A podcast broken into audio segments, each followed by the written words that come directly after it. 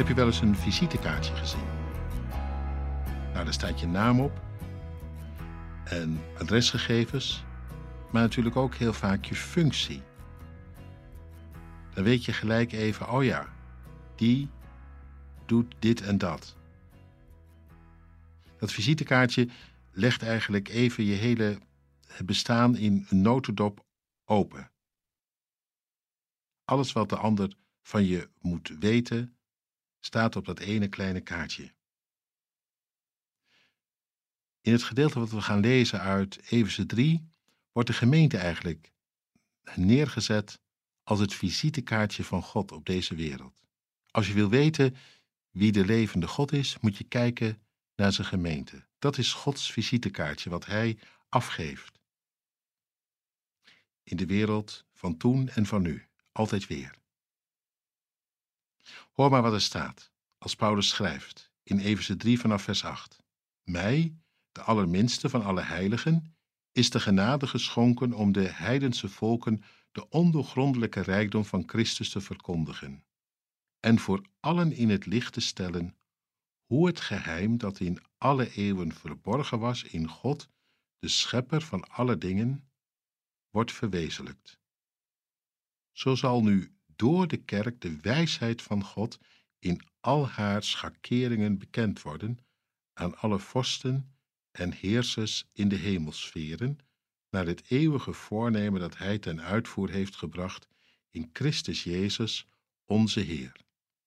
Vorige keer hoorden we er al van dat Paulus er zelf door was geraakt, terwijl hij zich eerst had verzet. En hij noemt zich hier de minste.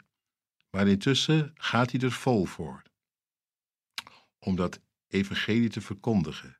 Nou ja, dat is natuurlijk geweldig en mooi. Dat evangeliewoord. Woorden van genade, van vrede, van leven.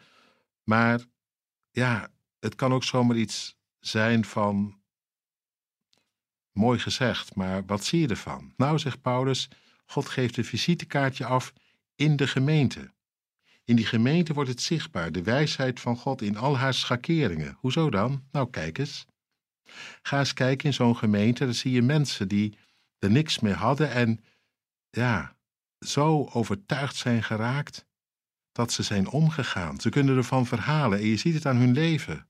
Het is anders dan daarvoor, waar ze eerst geen idee voor, uh, van hadden of geen hart voor bezaten. Dat, is nu ineens heel anders. God is een werkelijkheid geworden. En zijn liefde heeft hun liefde gaande gemaakt. En ja, je merkt het ook aan ze dat ze uh, in plaats van voortdurend met uh, frustraties te leven over eigen tekorten, ze leven in een vrede die eigenlijk je begrip te boven gaat.